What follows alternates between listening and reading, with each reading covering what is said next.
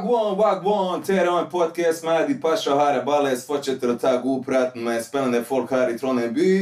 Og i dag har vi gitt godplassen og den gode stolen til fitnessguru, modell, moteikon, norgesmester i fitness himself, Pero Tessen! Velkommen, velkommen. Tusen takk. tusen takk. Kan du fortelle litt uh, om historien din? Hvor er du fra? Jeg har hørt at du er fra Ørland opprinnelig. Nei, jeg er, um, jeg er født på Oppdal, egentlig. Ok, ok.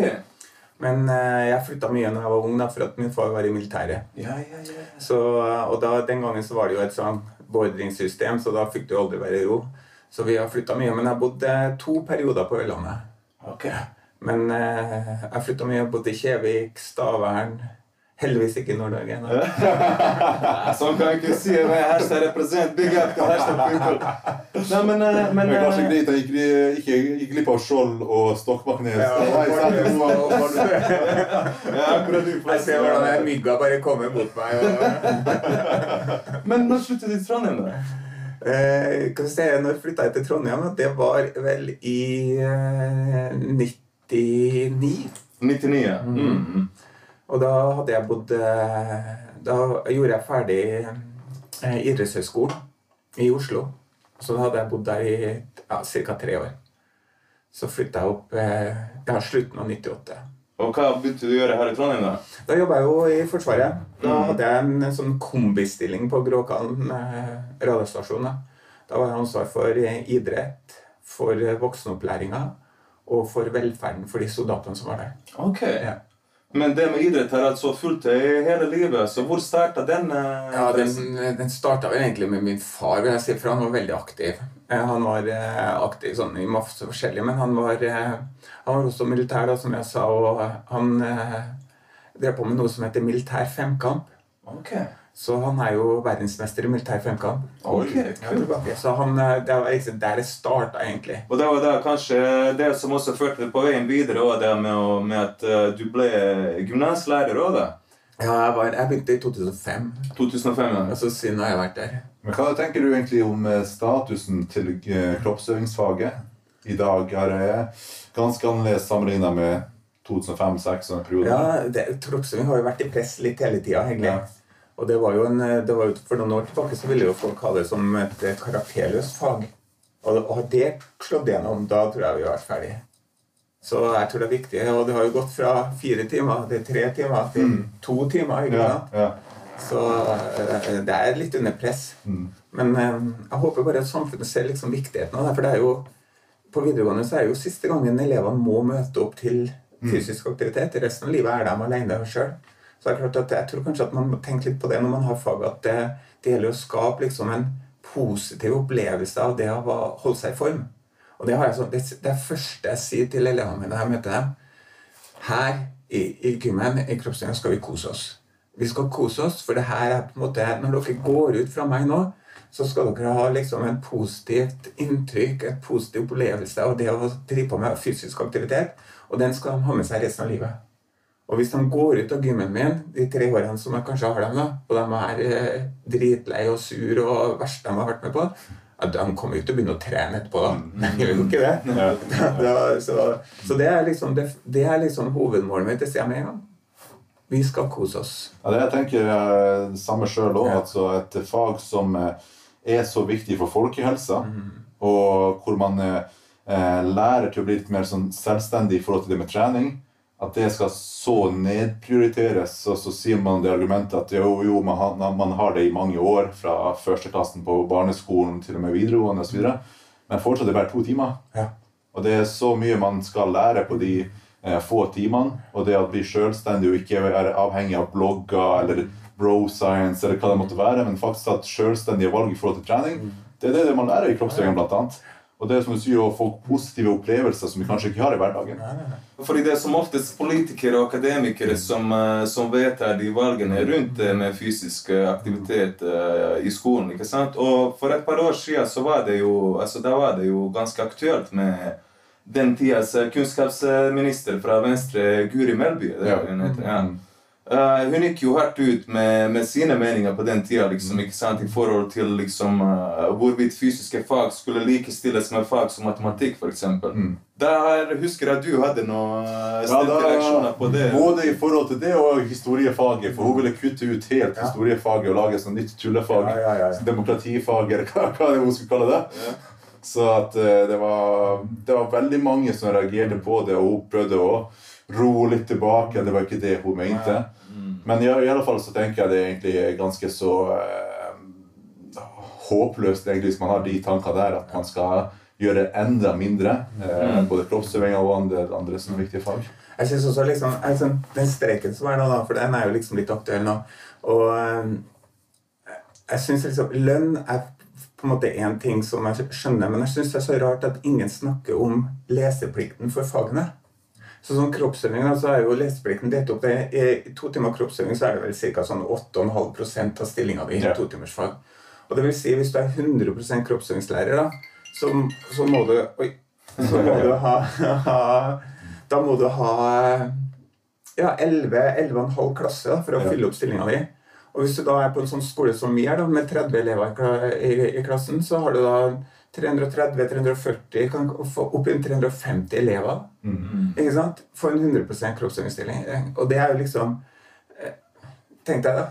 350 elever som du skal gjennom ei uke, som du skal bli kjent med, du skal følge med, du skal se, du skal liksom eh, Det er umulig. Så vi burde liksom vært litt der også. Sett liksom, kanskje vi skal Lønn er på en måte én ting. Kanskje vi skal se litt på leseplikten også. Kanskje flytte opp kroppssynsfaget til en 11% for eksempel, så du ikke kunne hatt mer enn ni klasser. Det har vært mye det, 270 elever, men jeg tror det har hjulpet mye på en måte for, for lærerne også, at du hadde litt mer tid. Litt mer space mellom klassene, litt Ja. mer tid til å følge opp elever, snakke med elever. Ja, Det har gått riktig vei på vektskalaen. ja jeg tror det. jeg tror det. Og eh, så, som du sier i forhold til de eh, store klassene Når du har 330-350 elever Det er jo én ting selvfølgelig å, i seg sjøl at det er et enormt antall. Men en annen ting er at du har, har dem i et så spesielt fag som kroppsøving, hvor det er så mange tilpasninger. Noen eh, ska, ulike skader de har, eller forskjellige, altså forskjellige typer tilpasninger du skal ha til de elevene. Og så er det mange som kanskje også har eh, noen negative erfaringer fra kroppsøvinga før, som du må også følge opp og tilpasse. Så du jobber jo egentlig, Selv om du har 100 stilling, så har du 350 elever, så du jobber egentlig som 150 for samme lønn. Eh, og det syns jeg er helt rart, for jeg jobber sjøl òg med 330 elever.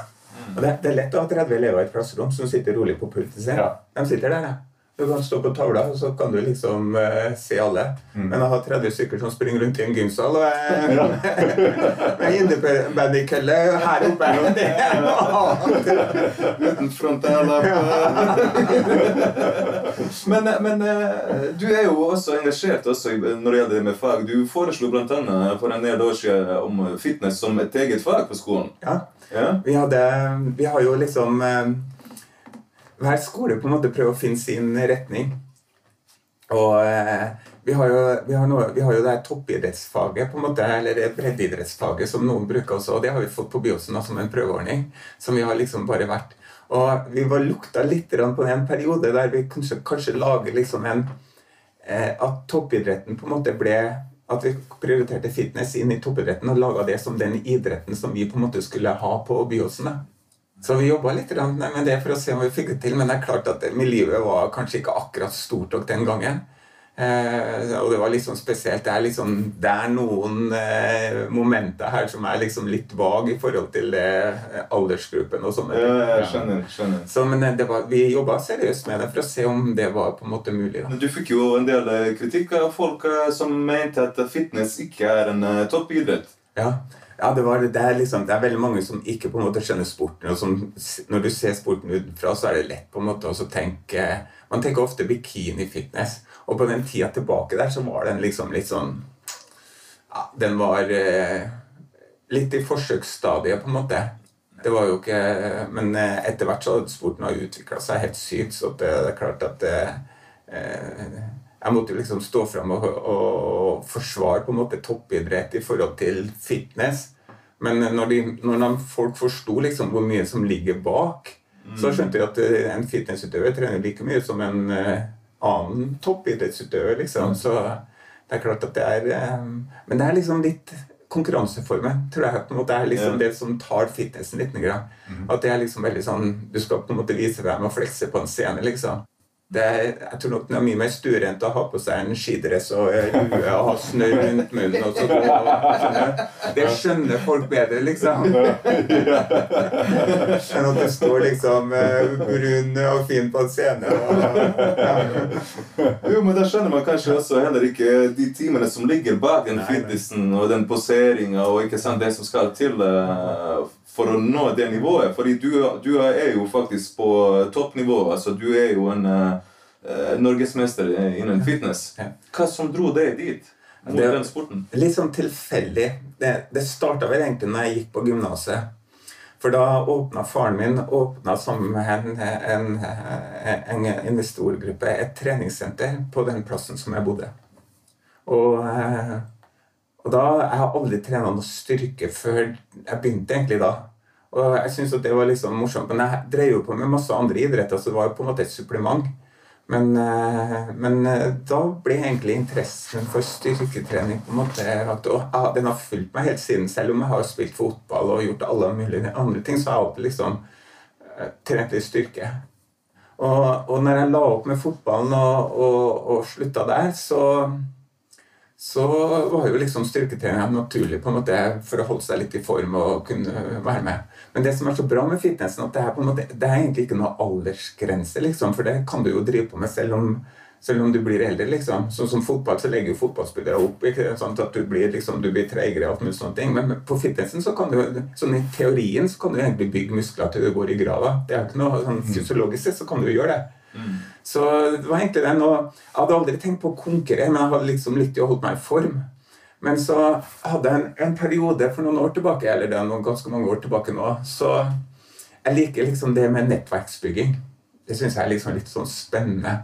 Så jeg brukte um, å ha et sånn juleselskap hjemme hos meg selv.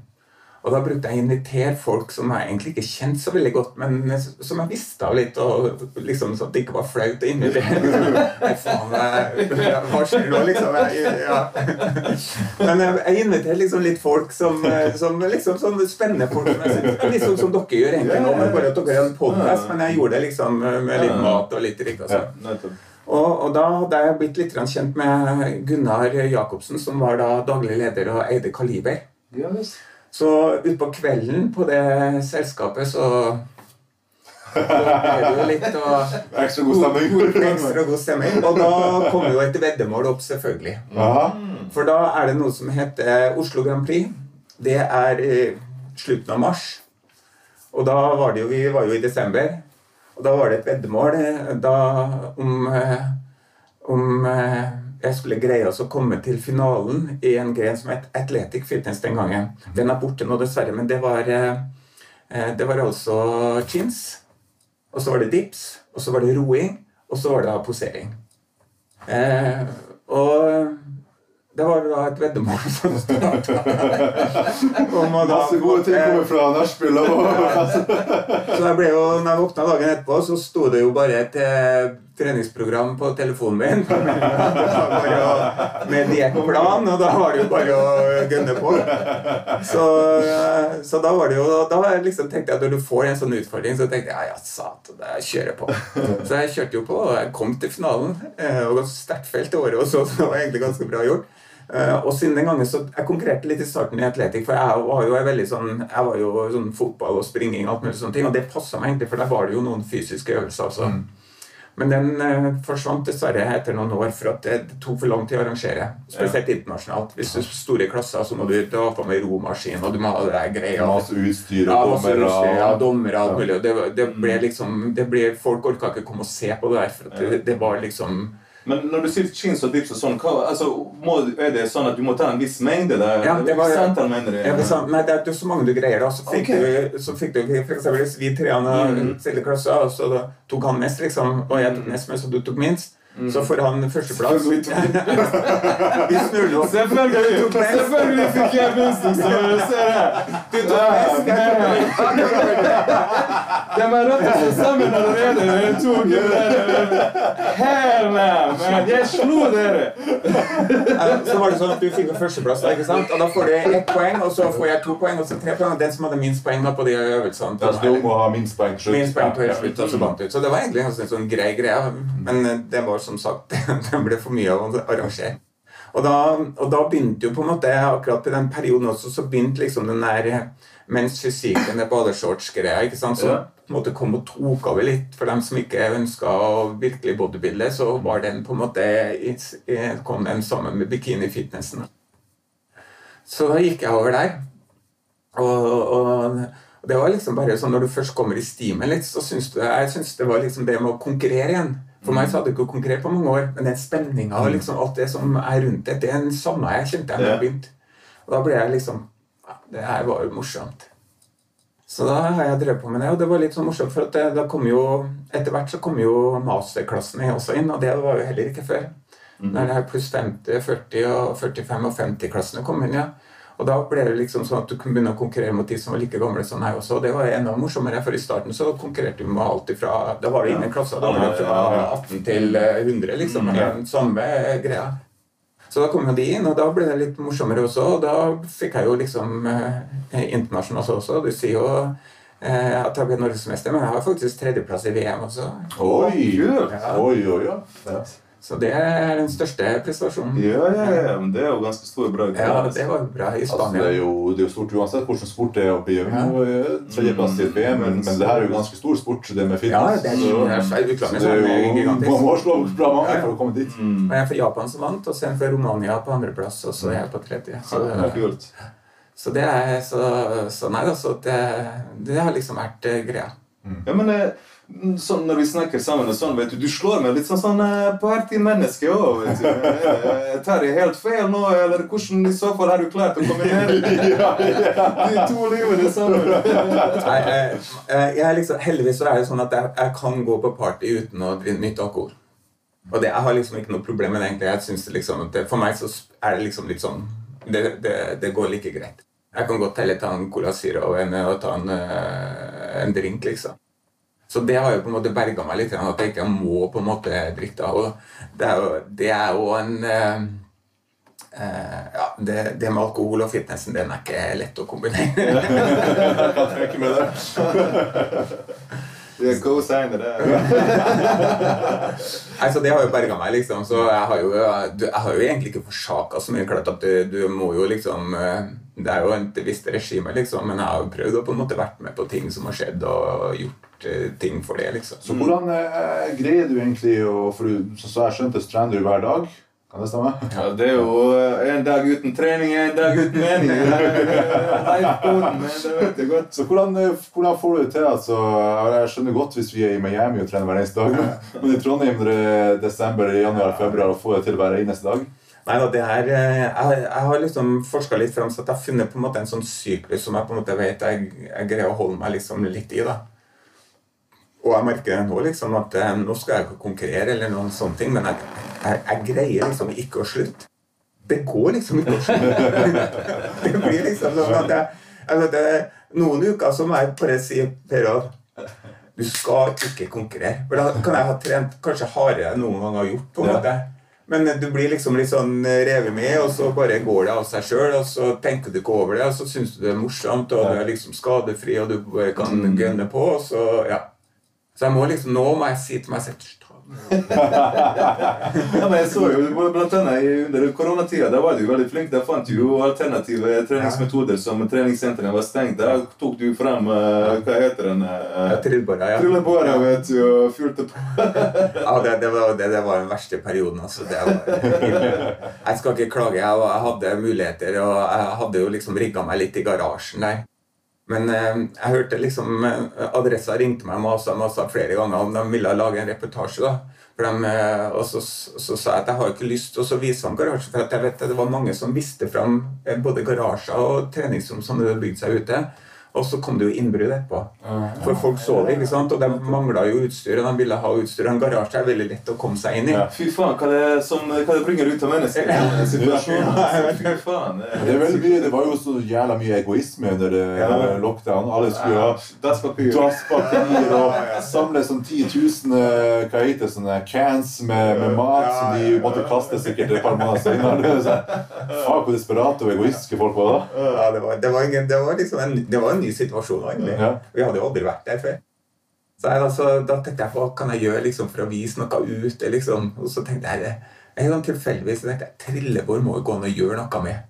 Så fant jeg opp noen øvelser der som han tok noen bilder av. Og liksom, det, det var veldig respons etterpå. Det var helt sykt. Jeg så fått så mange til liksom, Etterpå var det et rush. på en måte. Jeg hadde aldri tenkt på det. Det var jo magisk. Det var mange som begynte med trillebår. Det ble en trillebår hamstring. God business for trillebår i i Trøndelag. Bedre ble sponsa den gangen. Det er hemmelig, men vi Ja, er noe her. Men, men eh, altså, det er jo ganske interessant det, når du snakker om liksom, måten du forbereder til sånne konkurranser og sånn. og du er jo ganske sånn eh, Du klarer å finne fram måter hvordan du skal trene i en travel hverdag. Jeg lurer på om du har noen sånne life hacks som du følger i hverdagen? eller? Nei, jeg har egentlig ikke det. Men eh, dem, dem, liksom, du, jeg tror det er bare liksom viktig å finne liksom litt din egen greie og på en måte tro på den. Ja. Altså. Det tror jeg. Det, det, det, det, tror jeg, det synes jeg er veldig smart, det du sier der. Fordi det er liksom sånn eh, at Man må se sånn individuelt på det der. ikke sant? Fordi alle vi har jo også liksom våre sånn genetiske predisposisjon ikke sant? som vi har med oss i livet. Og sånne ting er jo liksom må man kombinere. liksom. Jeg tror, jeg så et bilde nå nylig liksom sånn Arnold Schwarzenegger når han var sånn 18 år sammen med en annen 18-åring. liksom sånn, de to Din skolegutt og en svær ja, jævel. ja, ja, det var liksom sånn, det er helt bisarrt å se, men det er jo liksom sånn eh, Det viser jo også liksom, ikke sant eh, Hva noen klarer når de går inn for det Og, ikke sant? Også med de riktige genetiske Og han var jo veldig dedikert. for Jeg har jo sett ulike dokument- dokumentarer hvordan han begynte å, på en måte, å sniktrene på natta så ikke, mens han var i militæret. Så, så, Ja, Han var jo forresten militærsønn. sønn. er Har han vært noe på noen som helst måte eh, inspirasjon? Ja, jeg, vil- jeg vil si det. Jeg, jeg må liksom innrømme det, for at jeg, jeg fikk en plakat av Arne Schwarzenegger jeg begynte å trene styrketrening. Jeg, var, jeg var, begynte på videregående. Og den hang på døra mi. Jeg må nok innrømme det. Ja, ja, ja. det er et godt forbilde der, så det går bra, det. Jeg hadde det, men uh, Schwarzenegger og Rambo, vet du. Stallone, vet du. Jeg er gode karer. I sommer så, så leste jeg boka til David Goggins. Ja. Og det er sånn her, Hvis du har lite motivasjon for trening i dag, så bare å lese et par sider i boka der, så, så er du på mølla med en gang. Har du Eller? lest den boka, eller? Ja, jeg har ikke lest hele boka, men jeg har lyst til å omtale om den. Ja, ja den, er, den er veldig bra. Den, er- det, som om sommeren så brukte jeg å finne en eller annen eh, autobiografi som jeg liker å lese. Og i sommer så det var det på denne boka her. Og da var jeg sånn her, eh, da fikk jeg virkelig, virkelig dilla for eh, jogging og løping. Så når jeg var hjemme i Mostar i Bosnia, så jogga jeg sånn ja, annenhver dag. Ja. 10-12 km. Og det er jo 40 grader ute, så det er ikke bare bra. Men eh, jeg leste den boka, plutselig ikke motivasjon for, for løping. Ja, og uten å ha hatt eh, det som vanlig fra før. Nei, for det er- jeg skal se det. Ja, for jeg har jo spilt basket i mange år, og det er jo på en måte det som var hovedtingen min. Men jeg, nå, for noen uker siden så deltok jeg på halvmaraton, faktisk. Hey. Så det var litt sånn eh, små impulsivt da, at jeg bare meldte meg på. Ok, jeg jogga litt i sommer, la meg bare teste ut det her. Men som vi snakket om i stad, i forhold til det med at man man har lyst til bare å konkurrere med seg sjøl. Det var det jeg tenkte òg. Hadde ingen eh, sånn her jeg skal slå eller noe sånt. Hadde en målsetting. Kom under to timer. Greide å knuse den tida der. så det var jeg fornøyd med. Men altså, nå har du en ny tid å knuse igjen til neste Ja. år. ikke sant? Og det er det som gjør det kult òg, ikke sant, med, med, med akkurat det. Du har jo gjesta både Trygdekontoret med Thomas Seltzer og, og ikke minst eh, Normal galskap med Ære Sende Osen på NRK. Hvordan var de opplevelsene, og føler du liksom sånn, er du fornøyd med måten du ble framstilt på der, eller? eh? Ja, egentlig så har jeg fått utrolig mye positiv feedback etter begge de der. Ja. Så, så begge de to var positive opplevelser. Den var litt, jeg var litt sånn spent på den trygdekontoret, for der var det jo Det var jo snakk om egentlig eh, spiseforstyrrelser som var tema, på en måte. Ja, liksom kroppsdysformi Ja, og liksom, sånne ting. liksom. Ja. Og hun Ingeborg var jo der også, som liksom har hatt problemer. Hun eh, har jo stått fram i ettertid også. liksom masse der, så det, Jeg var liksom litt spent på akkurat vinklinga der, men eh, jeg var liksom jeg var forberedt. Og det tror jeg det var liksom viktig at du på en måte var litt forberedt på akkurat det med hva som kunne komme. Har du opplevd noensinne for eksempel, kritikk på ditt utseende? eller noe sånt? Eh. Fordi du skiller jo deg ut med utseendet ditt. Ja, ja men jeg, jeg, jeg vet ikke om jeg er veldig sånn eh, Jeg har aldri brydd meg. Nei, nei. Men jeg tror kanskje at jeg, har vært heldig, for jeg har egentlig hatt veldig sånn selvtillit på at jeg, jeg har bestemt meg for at jeg gjør liksom litt sånn som passer meg. egentlig. Altså, jeg skader jo ingen andre enn meg sjøl, liksom. Så, men jeg har liksom bare jeg har på en måte jeg, Kanskje det hadde vært verre hvis jeg liksom hadde eh, ikke vært så sterk på en måte i forhold til det mentale. Men jeg har alltid liksom gått egentlig litt mine egne veier gjort mine egne ting. og men så lenge jeg ikke skader noen andre, så syns jeg det er greit, liksom. Mm. Ja. Men det er jo definitivt, jeg merker jo liksom på den selvtilliten Det er jo veldig sånn unorsk og ikke sant, det er ikke så jantelovaktig. Og i tillegg, det som, er, det som jeg lurer på, da er jo Har du noensinne tvilt på deg selv? da? Har du hatt noen gang perioder hvor du har hatt det vanskelig sånn psykisk eller mentalt? Nei, ikke sånn men det er klart at du, du liksom du Jeg har egentlig aldri sånn Jeg hadde på en måte sånn eh, Jeg har jo tre barn. Jeg har to gutter og, og ei jente. Og jeg fikk meg liksom en liten eh, En liten sånn tankevekker der noen år tilbake når guttene mine gikk på videregående. Og da var det en av dem som kom inn og sa at eh, jeg må forsvare deg, pappa. Og jeg tenkte hvorfor? øh, Hva må du forsvare? Nei, folk syns at du gjør mye rart. Og, og de sier det til meg. Og jeg syns at det liksom at det, det er litt ekkelt at jeg må gå rundt og forsvare deg. Og da tenkte jeg liksom eh, Det har jeg aldri tenkt på før. At det på en måte kunne, at liksom at barna mine på en måte kunne få konsekvenser for de tingene som jeg gjør. Så det var en liten sånn tankevekker, egentlig. Og det tenkte jeg litt på etterpå. at det, har nok kanskje, Så spurte jeg spurte Aksel om det var på en måte noe han hadde opplevd før også. Og det hadde han. Han hadde blitt liksom mobba for at jeg hadde liksom gjort ting, eller eh, Ja. Og det, det var liksom litt sånn eh, ah, Den hadde jeg ikke sett. Det høres veldig trist ut også Ja. med tanke på at liksom, sånn som jeg føler, liksom, så har ikke du gjort noe annet enn å skille deg ut ved å bare liksom, sånn, være den personen du er. Du har jo ikke gjort noe galt. Du har ikke skadet noen. Du har, ikke gjort, du har bare vært deg sjøl og liksom representert deg sjøl på det beste viset du har uh, kunnet. Så det er jo, sånn, må være veldig sårende å oppleve akkurat det her. eh, Hvordan takler du den perioden der? Nei, jeg syns det var veldig vanskelig, så vi snakka veldig mye om det. liksom, og, Men eh, i ettertid så har det jo kommet veldig bra ut, for at det, eh, egentlig alle barna mine har egentlig hatt stor selvtillit på de tingene de har gjort. og Både sånn som eh, Petter har gått helt sin egen vei og, og gjort sine egne ting. og eh, og, og, og 13 kanskje enda lenger enn det jeg har gjort, sånn, sånn sett. Og det samme har Aksel også egentlig gjort. Så de har lykkes veldig bra i de tingene som de har gjort. Så, og det har de jo, vi har jo vi har et veldig sånn åpent forhold, og det har vi snakka mye om senere, at de er liksom glad for at de på en måte kunne vokse opp liksom med å kunne realisere seg sjøl og gjøre sine egne ting. Ingen som dømte dem, ikke sant? og du ble oppmuntra til å bare dra på, liksom. Og hvis de gjorde det litt, så kunne jeg si du, ett, er det ekstra steget. Do it, do. Det er jo bra støttende for foreldre. Ja. liksom. Eh, og, og nå har vi jo et helt sykt forhold. Eh, Begge guttene går jo, bor jo i eh, Nei, nå har jo eh, Peter bor i København, og Aksel har bodd i København sammen, men han har flytta tilbake til Oslo nå og jobber derfra. Og det er jo det er jo magisk å være sammen med gutta når vi er i København. Jeg er jo 20 år igjen. Vi går jo på samme klubber, og vi, vi henger jo sammen. og vi gjør liksom Det er litt sånn der, det er. Drake og pappaen til Drake.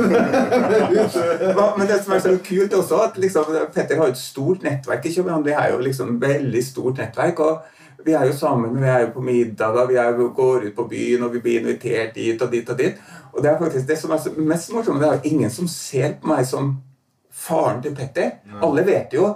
Men det er jo ingen som på en måte Det er, det er akkurat som jeg er kompisen deres. Og det er en sånn god følelse liksom å bare ha med seg sønnen sin rundt. og det er liksom, Du er helt som vanlig, og det er en veldig sånn fin eh, greie. da. Ja, fordi du stoler på at du har gjort en bra jobb under eh, oppveksten deres ikke sant? og gitt dem de riktige verdiene, og så kan man la dem på en måte få friheten selv. Og så har jeg også gravd litt. Grann. Og sånn som jeg har funnet fram i mi, så er du broren til eh, Jo Tessem. Ja. Hvordan er det, var, var, var det og dere to vokste opp i lag? Du, du, du sa i stad du har drevet med fotball og sånt. Eh, Men når han begynte å spille etter hvert på Lyn og Southampton, hvordan opplevde du det? Nei, det er, jeg og Jo har egentlig hatt veldig sånn nært forhold helt fra vi var små. Vi var jo litt eh, fem år mellom oss. Eh, vi hadde egentlig eh, Jeg hadde en far som var mye borte. Eh, og mor jobba jo også, så vi var jo veldig mye sammen. Så jeg, jeg bruker å si det til Jo, jeg burde egentlig ha fått en sånn sign-on-fee for det her. For han har fått så mye juling av meg i løpet av åra. hadde jo konkurrerte jo Du konkurrerer jo alltid med lillebroren din. ikke sant. Og jeg var jo mye større, så jeg liksom Jeg grusa han jo og eh, herja med han. Og, og jeg, jeg sier at når vi var små, så Eller når vi vokste opp sammen, så Vi hadde en sånn liten sånn fotballbane, en dårlig fotballbane rett ved der vi bodde. Og vi kunne stå time på time og så skyte på hverandre at vi var liksom mot målene. ikke sant? Og jeg vant jo bestandig, for jeg var jo større. Så jeg lurte Men vi, vi kunne stå timevis der. Så, så det var jo morsomt. Vi rakk akkurat å spille litt sammen på seniornivå før, eh, i, på den lokale klubben som jeg var. Før jeg, eh, jeg flytta jo, så jeg spilte jo i Strømsgodset et år. Gjorde du? Ja. Ok, fett. Så jeg har jo spilt på ganske høyt nivå. Og så, og så eh, Og da rakk vi å spille et år sammen, så det var liksom litt morsomt akkurat det. også. men eh, eh, det har vært en eventyr, egentlig. Han har, Jo hadde egentlig et større potensial, men han skulle nok hatt eh, mitt hode. For jeg tror liksom sånn, jeg er nok, Han er nok litt mer følsom og litt mer på en måte eh, Ja, bryr seg litt mer eh, om ting som skjer rundt. Og han er liksom sånn den, Han var jo på eh, Han var jo på eh, prøvespilling i, starten av Olympiakarrieren. Da var jo Hamburger Sportsveien en ganske stor klubb på den tida. Mm. Eh, med en eh, Hva heter han trener som var der? Han var trener til Rune Bratseth også. Ja, altså en ganske kjent trener. som- Han eh, Otto Reager. Reager. Otto Reager var trener en gang. Han så jo Han ville ha han til Tyskland. Så eh, han tok med seg til Tyskland på, for å trene sammen med laget. Og jeg tror det var eh, andre, tredje treninga. Så går Jo opp i en duell eh, sammen med den største stjernespilleren på Hamburg. Og helt uheldigvis så treffer de hode mot hode. Og eh, han stjernespilleren får en rift nedover her, så han blir jo skada med ganske hardt skada. Og det tror jeg satt en støkk i henne den gangen. Så han reiste hjem etterpå. Enda han fikk tilbud om kontrakt Aha. med Hamburg, så var det på en måte et sånt stykke som gjorde at Hvis ikke det har skjedd, så tror jeg på en måte karrieren til Jo hadde vært litt annerledes. jeg tror det. Da tror jeg han kunne ha spilt i, mer i Tyskland, som kanskje har passa han bedre enn England. Eh, og kunne ha bygd seg opp mer der i litt yngre alder enn det han på en måte når han endelig dro ut. da.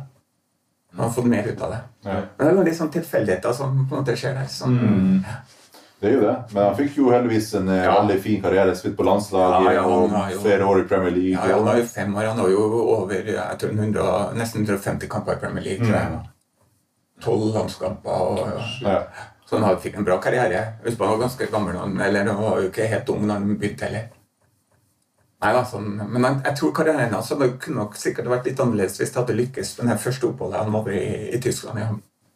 Men altså, det er litt artig at dere to spilte såpass mye lag, for da på en måte får han utfordre seg med noen som er litt større og kanskje bedre der og da. Da, da, da må yte litt ekstra. Da må det, vet du. Da, hvis ikke, så får du juling, det vet du. Det er sånn jeg ble god i basket når vi spilte i lag. Så fikk jeg stadig vekk juling, så måtte jeg yte enda mer. Men eh, sånn, eh, helt på slutten så bruker vi jo her noen sånne shoutouts. Og der er det jo liksom Er det noen folk som du har lyst til å gi som uh, big up eller hilsen til der ute, vet du, så må du bare gjøre det nå. Ja, nei, det er, det er mange liksom som, eh, som, som Jeg har liksom mange venner og mange som Så det er liksom Det er litt, nesten litt skummelt å på en måte trekke fra Ja. noen òg. For da- Så glemmer du noe. Så glemmer du noen, og det er litt med det, så Det er jo liksom hele apparatet. Men først og fremst så er jo familien på en måte som er liksom det viktigste. Og uten den Jeg, jeg har liksom Hver gang jeg har konkurrert, spesielt under konkurranseperioden, så er jo de som lider. ikke sant? Det er jo liksom uh, Jeg må gjøre det, kan ikke gjøre det, må spise det. ikke sant? Ta egen middag alt mulig. Blir du edgy? Blir du litt sånn eh, Ja, Er du litt eh, vanskelig å ha med å gjøre? Føler selv ikke, men uh, utenfra. men må, det er jo min kjære datter Marit som er hjemme nå. Hun er jo eh, magisk. Hun tar jo godt vare på meg. og Sånn som nå, så, så, så hun lager jo middag til meg og ordner opp. Og vi har jo liksom, vi har veldig mye sammen. for at det, eh, I og med at du er lærer, så følger du ofte barna dine mye mer i skolehverdagen. ikke sant? Så, så da er vi jo vi, kom, vi går sammen, og vi kommer hjem sammen, liksom. Så, så hun må få en liten shout-out på, på ivaretagelse. Kult. Det virker som dere familien er ganske tett knytta til hverandre og eh, henger mye Ja, vi, vi har veldig, veldig sånn Mer sånn godt eh, naturlig forhold, tror jeg jeg vil si. Ja. Du har sydlandske verdier, vet du. Det er bra, vet du. Vi er så family first, vet du. Så det er liksom sånn eh, Shout-out til alle sammen også som følger med. Det er liksom familien eh, vår er der, vet du. Tusen takk eh, for alt, og tusen hjertelig takk for å ha gjester på podkasten vår. Vi setter veldig pris eh, på det, og jeg håper vi får tatt oss en ny episode etter hvert, vet du. Peace out, party people!